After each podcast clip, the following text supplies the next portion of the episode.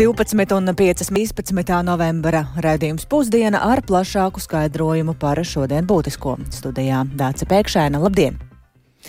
Un redzējumu šodien sāksim ar jaunākajām ziņām par nedēļas nogalas smago avāriju. Izmeklēšana par to, kādos apstākļos un kāpēc Mārups novadā uz Vēnspils šoseis saskrējās vieglā automašīna un pasažieru autobus, valsts policija joprojām turpina. Ziņās jau stāstījām, ka pēc šīs sadursmes gāja bojā automašīnas vadītājs un pasažieris, bet gandrīz 20 cietušie autobusu pasažieri tika nogādāti slimnīcā. Kāds ir viņu stāvoklis un kā šobrīd rīkojas autobusu pārvadājumu kompānija un kā notikušo vērtē auto transporta direkcijām. Šodien par to plašāk interesējās mana kolēģa Agnija Lazdiņa. Sveika, Agnija! Kāda ir jaunākā informācija? Labdien! Tātad tā jaunākā informācija ir tā, ka pēc valsts policijas rīcībā esošās informācijas sadursmē ir divi bojā gājušie, taču 19 cilvēki ir cietuši. Un kā vakar Latvijas televīzija informēja mediķi, starp cietušajiem ir autobusa šoferis un trīs bērni, kas hospitalizēti ar salīdzinoši vieglām traumām. Savukārt pieaugušie lielāko, lielākoties guvuši vidēji smagas traumas, bet diviem cietušajiem traumas bija vērtējamas kā ļoti smagas. Savukārt valsts ugunsdzēsības un glābšanas dienests notikuma vietā konstatējis, ka vieglajā automašīnā ir iespiesti divi bojā gājušie, kurus ugunsdzēsēji ar hidrolo hidraulisko instrumentu palīdzību atbrīvoja viņus.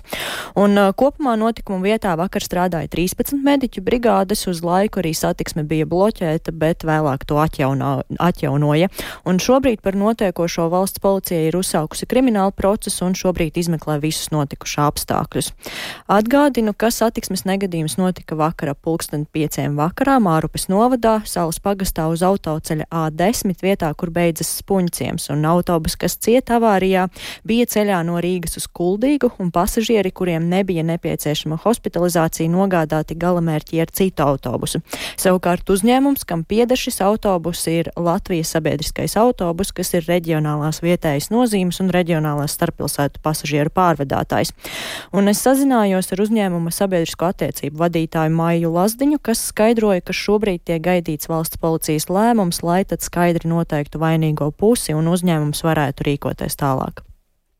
Tiklīdz tas būs zināms, tad uh, pasažieri varēs uh, vērsties pie mums, jo mums ir obligāti tāds nu, tiesiskā apdrošināšana, kas palīdzēs tad sekt visus ārstēšanās izdevumus. Bet katrā ziņā mēs palīdzēsim ikvienam pasažierim, kurš ir tieši šajā riskajā avārijā ar informāciju. Kā mēs uh, pilnīgi noteikti sadarbosimies, jebkuru mums jau pirmā informācija nāk un cilvēki pasažieri, kas atradās autosāju jautā, mēs jau sniedzam informāciju, bet nu, šobrīd ir vispirms jāskaidro, jā, policijas lēmums. Šī avārija, protams, ir raisījusi dažādas diskusijas sabiedrībā gan par autovadītāju braukšanas kultūru, gan ceļu satiksmes noteikumiem, gan par drošības jostu lietošanu tieši konkrēti autobusos. Un uh, Mājai Lazdiņai nav pieejama informācija, cik daudzi no pasažieriem brauciena laikā bija piesprādzējušies, taču viņa norādīja, ka autobus ir aprīkots ar drošības jostām. Un uh, arī mēdījos jau iepriekš ir vairāk kārt ziņots par šo problēmu, proti, ka liela daļa cilvēku, kas pārvietojas ar autobusiem, neizmanto drošības jostas dažādu iemeslu dēļ, piemēram, neredz tam jēgu, nezina, ka tādas ir, ka to ir nepieciešams darīt. Citi arī uzskata, ka autobusā ir drošāk nekā automašīnā, tāpēc tas nav vajadzīgs un, un daudzi citi iemesli. Taču atgādinu, ka saskaņā ar ceļu satiksmes noteikumiem pasažieriem, kuru sēdvieta aprīkot ar drošības jostu, braukšanas laikā jābūt piesprādzētiem. Tāpat arī atbildību nes transporta līdzekļa vadītājs, kuriem ir pienākums ne tikai pašiem būt piesprādzētiem, bet arī nevest pasažierus, kuri nav to darījuši. Un, kā man sarunā norādīja autotransporta direkcijas pārstāve Sanita Heinsberga, tad drošības jostu lietošana autobusos samazina traumatisma gadījumus un palielina iespēju, ka pasažieris negadījuma situācijā vieglāk atveseļosies un arī izdzīvos, ja avārija ir krietni nopietnāka. Pēc tādiem ļoti vispārējiem novērojumiem, protams, ka šobrīd uh, nav vēl dziļi iesakņojusies šī drošības josla lietošana reģionālajos autobusos, kā pamata, teiksim, drošības pasākums, bet mēs uh, zinām, ka ir um, autobusu šoferi, kuri katru reizi, pirms katra reisa atgādina pasažieriem par šo pienākumu, aicina tātad ievērot šo drošības normu, bet um, tīri statistiski mēs nezinām, bet varam uh, nojaust, ka pagaidām lielākā daļa pasažieru šo savu pienākumu neveic tik apzinīgi. Vienlaiks arī gribam atgādināt, ka ne visos reģionālajos autobusos varētu būt drošības jostas, bet ja tās ir, tad ļoti aicinām tās tomēr lietot visu braucienu laikā. Jānorāda, ka patiesi šī statistika, ja ir, tad tā, tie dati ir diezgan jau novecojuši, proti pirms četriem gadiem aptaujā par drošības jostu lietošanu autobusā noskaidrojās, ka Latvijā un Lietuvā aptuveni puse cilvēku ir, ir gatavi sprādzēties, bet, piemēram, Igaunijā par drošību domā vairāk. Tur piesprādzēties gatavi 91% pasažieru. Uh, Tiesa, Heinsberga uzsvēra, ka arvien vairāk tiek iets uz to, lai arī visa Latvijas reģionālo maršrutu autobusi būtu aprīkoti ar drošības jostām, kas arī vairāk uzsvertu šo drošību. Bet uh, plašāk par visu situāciju tad programmā pēcpusdiena. Mhm. Paldies Agnijai Lazdiņai. Tas tātad jaunākā informācija par um, avāriju un arī vēl tāds atgādinājums par drošības jostu lietojumu arī autobusos, kur tas ir iespējams. Bet vai rīdzinieki par galvaspilsētas ielu remontiem pārmaksā? Šodien domas atbildīgajā komitejas sēdē slēgtajā daļā vērtēs ārtelpas un mobilitātes departamenta audita rezultātus un Tieši ielu remonta dēļ šovasar sašķēlās Rīgas domas koalīcija un no mēra krēsla atkāpās Mārtiņš Staķis. Lai gan auditu departamentā pabeidza pirms mēneša, piekļuva rezultātiem ir ierobežota un tās atklātību cenšas panākt domas opozīcija. Vairāk par to ir gatavs stāstīt kolēģis Viktors Demidovs. Ehm, viņš šobrīd līdzās studijās veiks Viktoru un tad atgādina, par ko īsti sāka auditu un eh, par ko šodien deputāti lems. Jā, sveicināti. Nu, tātad jūnijā Rīgas domē dienesta pārbaudē konstatēti trīs būtiski pārkāpumi ceļu remonta organizēšanā, un tātad dienesta pārbaudē speciālisti lēsa, ka iespējams nelikumīgi iztērēti 7 miljoni eiro. Nu, tad sākās tā disciplināra lieta pret satiksmes departamenta direktora pienākumu izpildītāju Jāni Vaivodu un satiksmes infrastruktūras pāraudas priekšnieku Andreju Urtānu.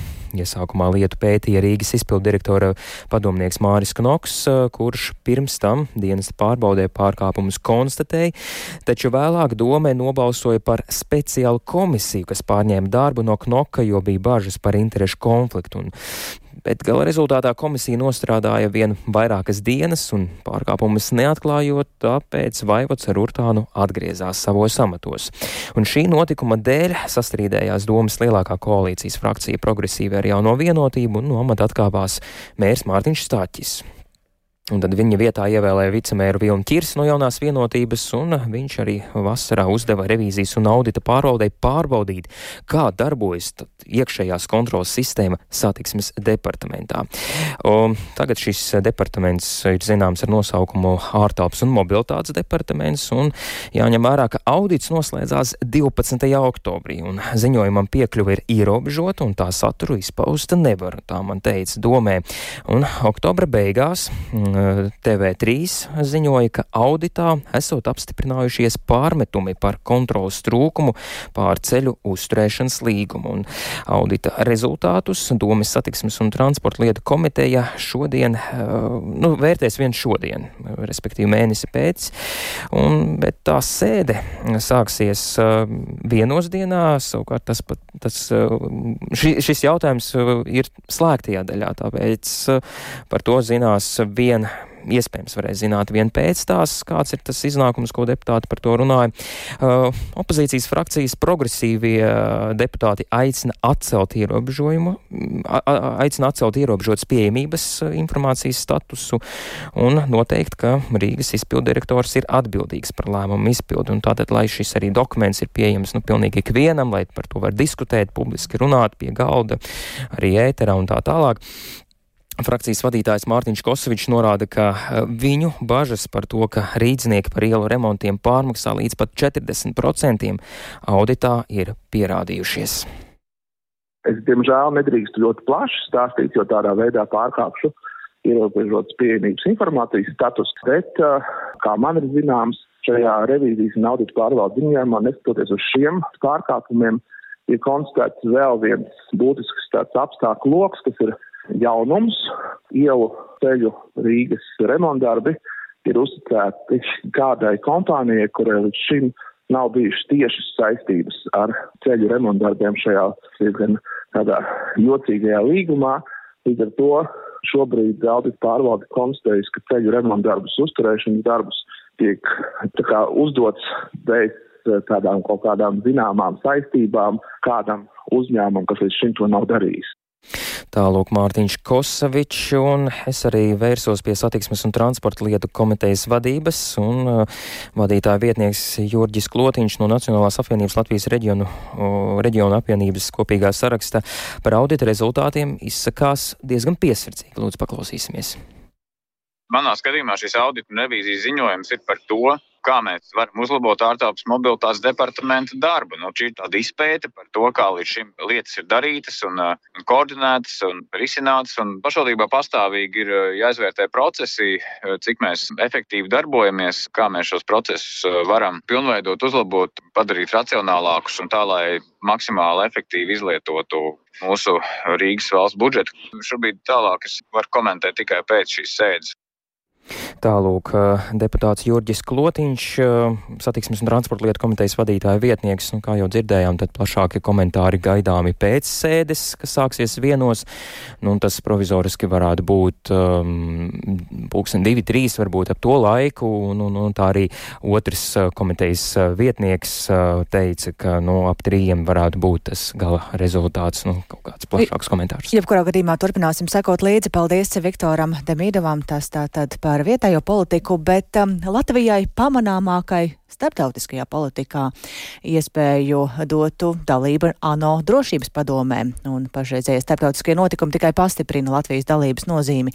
Tā aģentūrai Leta norāda ANO drošības padomes Latvijas sekretariāta speciālo uzdevumu vēstnieks Andrejs Pildegovičs, norādot, ka tā ir platforma, kurā mēs varam aizstāvēt ANO hartu un ANO dalību valstu teritoriālo integritāti. Tāpat Latvijai būtisks ir jautājumu bloks, kas attiecas uz Krievijas agresiju pret Ukrainu.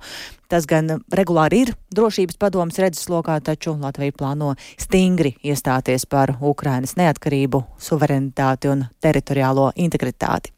Vienlaikus Saimas ārlietu komisijas vadītājs Rikārds Kols no Nacionālās apvienības šorīt Latvijas radio raidījumā Labrīt kolēģiem Laurim Zvejniekam un Hartai Skujai uzsvēra, ka Latvijas dalībā no drošības padomē nav pašsaprotama un ir jāiegulda liels darbs, lai pārliecinātu citas valstis, ka Latvija ir labākā kandidatūra. Un tas arī ir iemesls, kādēļ šobrīd ir sākusies oficiāla priekšvēlēšana kampaņa. Tā gan realitātē notiekot jau vairākus gadus, bet pats balsojums plānots vien 2025. gadā un vairāk par to sarunas fragmentā. Mēs neesam vienīgie, kas kandidē no mūsu reģiona. Mums pretim ir uh, Melnkalne. Protams, daudz arī teiks, nu, kur tur Melnkalna un Latvija, gan jau mums ir uh, daudz labāks tās izredzes. Bet tā mēs varbūt domājam savos platuma grādos, diez vai Āfrikas kontinentā, Latvijā, Amerikā pa Latviju vai pa pašu Melnkalnu vispār kāds var parādīt kartes, kurā vietā atrodas. Un līdz ar to tas ir pamatīgs darbs, kas ir jāiegulda. Ne tikai runājot ar citu valstu diplomātiem, bet arī politiķiem, jo nu, vispirms tas jau arī būs politisks lēmums vienai vai citai valstī mūs atbalstīt. Un, un tas tāds starta šāviens formāls ir uh, noticis, bet tā sagatavošanās tam jau ir bijusi jau iepriekš. Nu, es kā piemēru varu minēt mūsu ziemeļkaimiņu Sigauniju, kas nosacīta pavisam nesen aizvadīja šo nepastāvīgo locekli drošības padomē periodu, un viņi nu, to aizsāka 2005. gadā.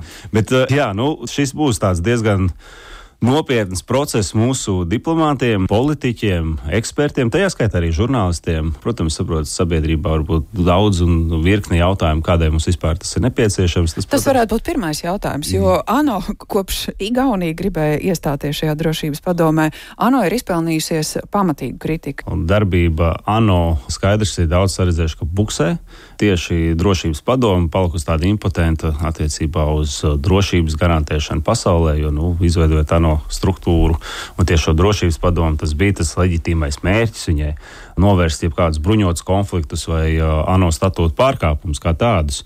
Bet šajā gadījumā ir jāsaprot, protams, daudz teiks, ka izstājamies. Priekš kā mums vispār tur vajag būt, tā ir sev degradējusi organizācija. Nu, labi, mēs nebūsim, bet šā vai tā, tādas 192 valstis vēl tur būs un lēmums pieņems. Tā ir skaitā Krievija, kurā ir veto tiesības. Tajā skaitā Krievija, tajā skaitā arī Ķīnas Tautas Republika, nu, virkni citu. Un ir tā, ka nav jau tikai drošības padomu. Ģenerāla asamblēja arī pieņem lēmumus, uz kuriem drošības padomē nav veto tiesību. Tas vismaz ir, paldies Dievam, mano statūtos atrunāts. Un daudz arī teiks, ka tie svarīgākie lēmumi jau tikai drošības padomē. Arī tā nav. Taisnība ģenerālajā asamblējā mēs redzam virkne rezultātu rezolūcija tiek pieņemtas. Bet tas ir tas politiskais tā brīža nospiedums par situāciju vispār pasaulē vai konkrētā reģionā. Mēs redzam tagad nesenās rezolūcijas saistībā ar tuvu austrumu miera procesu un nu, konfliktu tagad jau, protams, tas nekāds miera process vairs nav, ir tieši pretēji. Un arī tur katra balss ir no svara. Un arī mums kandidēšanā, nu nav tā, ka praktiski mēs izlikām savu kandidatūru un tagad viss pa mums nobalsums. Mums to, tomēr divas trešdaļas balss ir jāsavāst. Līdz ar to šī kampaņa ir vērsta uz to, lai mēs varētu pārliecināt citas valstis, ka mēs esam vērtīgs starptautisks spēlētājs, kurš iestājas gan par principiem, gan par vērtībām, izprot plašāku problēmu jautājumu loku, ne tikai kas mēs nodarbojamies ar saviem problēmu jautājumiem, bet plašākā kontekstā pasaulē. Tā Saimas ārlietu komisijas vadītājs Rihards Kols no Nacionālās apvienības. Bet Polijas galvaspilsētā Varšavā savukārt šodien uz pirmo sēdi sanāk jaunievēlētais parlaments, un būtiski tas ir tāpēc, ka līdz ar to arī sākas laika atskaita tam, vai pašreizējam Polijas premjeram Mateušam Moraveckim izdosies izveidot jauno valdību. Viņam kā pirmajam šādu iespēju devis Polijas prezidents Andrzejs Dudam, lai gan reāli iespēja vienoties par jauno koalīciju ir tikai opozīcijas partiju blokam. Un plašāk par politisku politisko situāciju Polijā. Tūlīt pastāstīs kolēģis Rihards Plūme, kurš šobrīd atrodas Varšavā. Sveiks, Rihard! Es jau tikko pieminēju, ka ir sākusies laika atskaite, vai izdosies vai neizdosies eh, izveidot um, valdību. Atgādini, cik ilgā laikā Moraveckim ir jāizveido jaunā valdība? Jā, labdien! Šodien tiešām sanāk jaunais parlaments, un līdz ar to arī līdzšinējā likums un taisnīgums uh, vadībā vadītā valdība arī atkāpsies, un uh, līdz ar šodienu Moraveckim tad tiek dotas vismaz uh, nosākumā divas nedēļas laika, lai pierādītu to, ka tieši viņš spēja izveidot jauno valdību un ka pašreizējā viņa pārstāvētā varas partija likums un taisnīgums spēja vadīt valsti arī līdz nākamajām vēlēšanām, un šo divu nedēļu laikā Moraveckim ir jāiesniedz prezidentam jaunās valdības sastāvu piedāvājums. Taču pēc tam viņam tiks dotas vēl divas nedēļas, lai iepazīstinātu ar savu programmu un tiktu sarīkots arī uzticības balsojums viņa izveidotās koalīcijas sastāvam.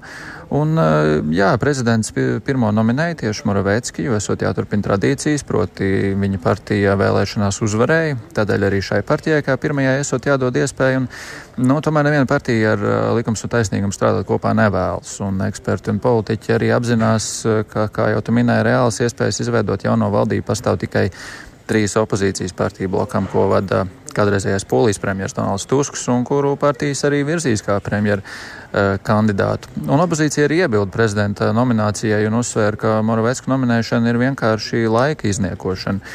Un uh, realitātē tā tas uh, arī varētu būt, jo tiek pieļauts, ka Moraveckis izmantos visu sev maksimāli uh, šo te sev doto laiku. Proti, kā iepriekš minēju, kopā tās ir nu, vesels četras nedēļas, lai novilcinātu opozīcijas partiju mēģinājumu veidot valdību. Ir. Jā, nu, Rihard, tātad. Um... Lai gan varētu būt, ka jāgaida vairākas nedēļas, tomēr Polijā nu visticamāk sagaidīsim jaunu valdību. Kādas ir tai iespējas sastrādāties? Jā, nu šīs trīs eh, partijas jau piekdien parakstīja koalīcijas līgumu, un tajā ir uh, izklāstīja arī plānu valsts pārvaldībai nākamajiem četriem gadiem, un uh, tur uh, ir apņemšanās polijas pozīciju uh, nostiprināt gan Eiropas Savienībā, gan NATO par prioritāti izvirzot uh, drošību. Tāpat arī partijas apņemas novērst politiskos spiedienus polijas tiesām, atcelt arī gandrīz pilnīgu abortu aizliegumu, kas uh, ieviests pirms trim gadiem, un uh, nošķirt baznīcu un valsti un arī no valsts un arī depolitizēt valsts medijus, militāros un arī speciālos dienestus. Nu, taču ir skaidrs, ka atsevišķos jautājumos sastrādāties nu, nemaz nebūs tik viegli. Visas partijas uh, neapšaubām ir vienots tajā, ka nevēlas pie varas redzēt astoņus gadus pie varas pabijušo likumus un taisnīgumus, tomēr uzskati ļoti atšķiras, piemēram, seksuālo minoritāšu tiesību, arī enerģētikas politikas un vēl citos jautājumos.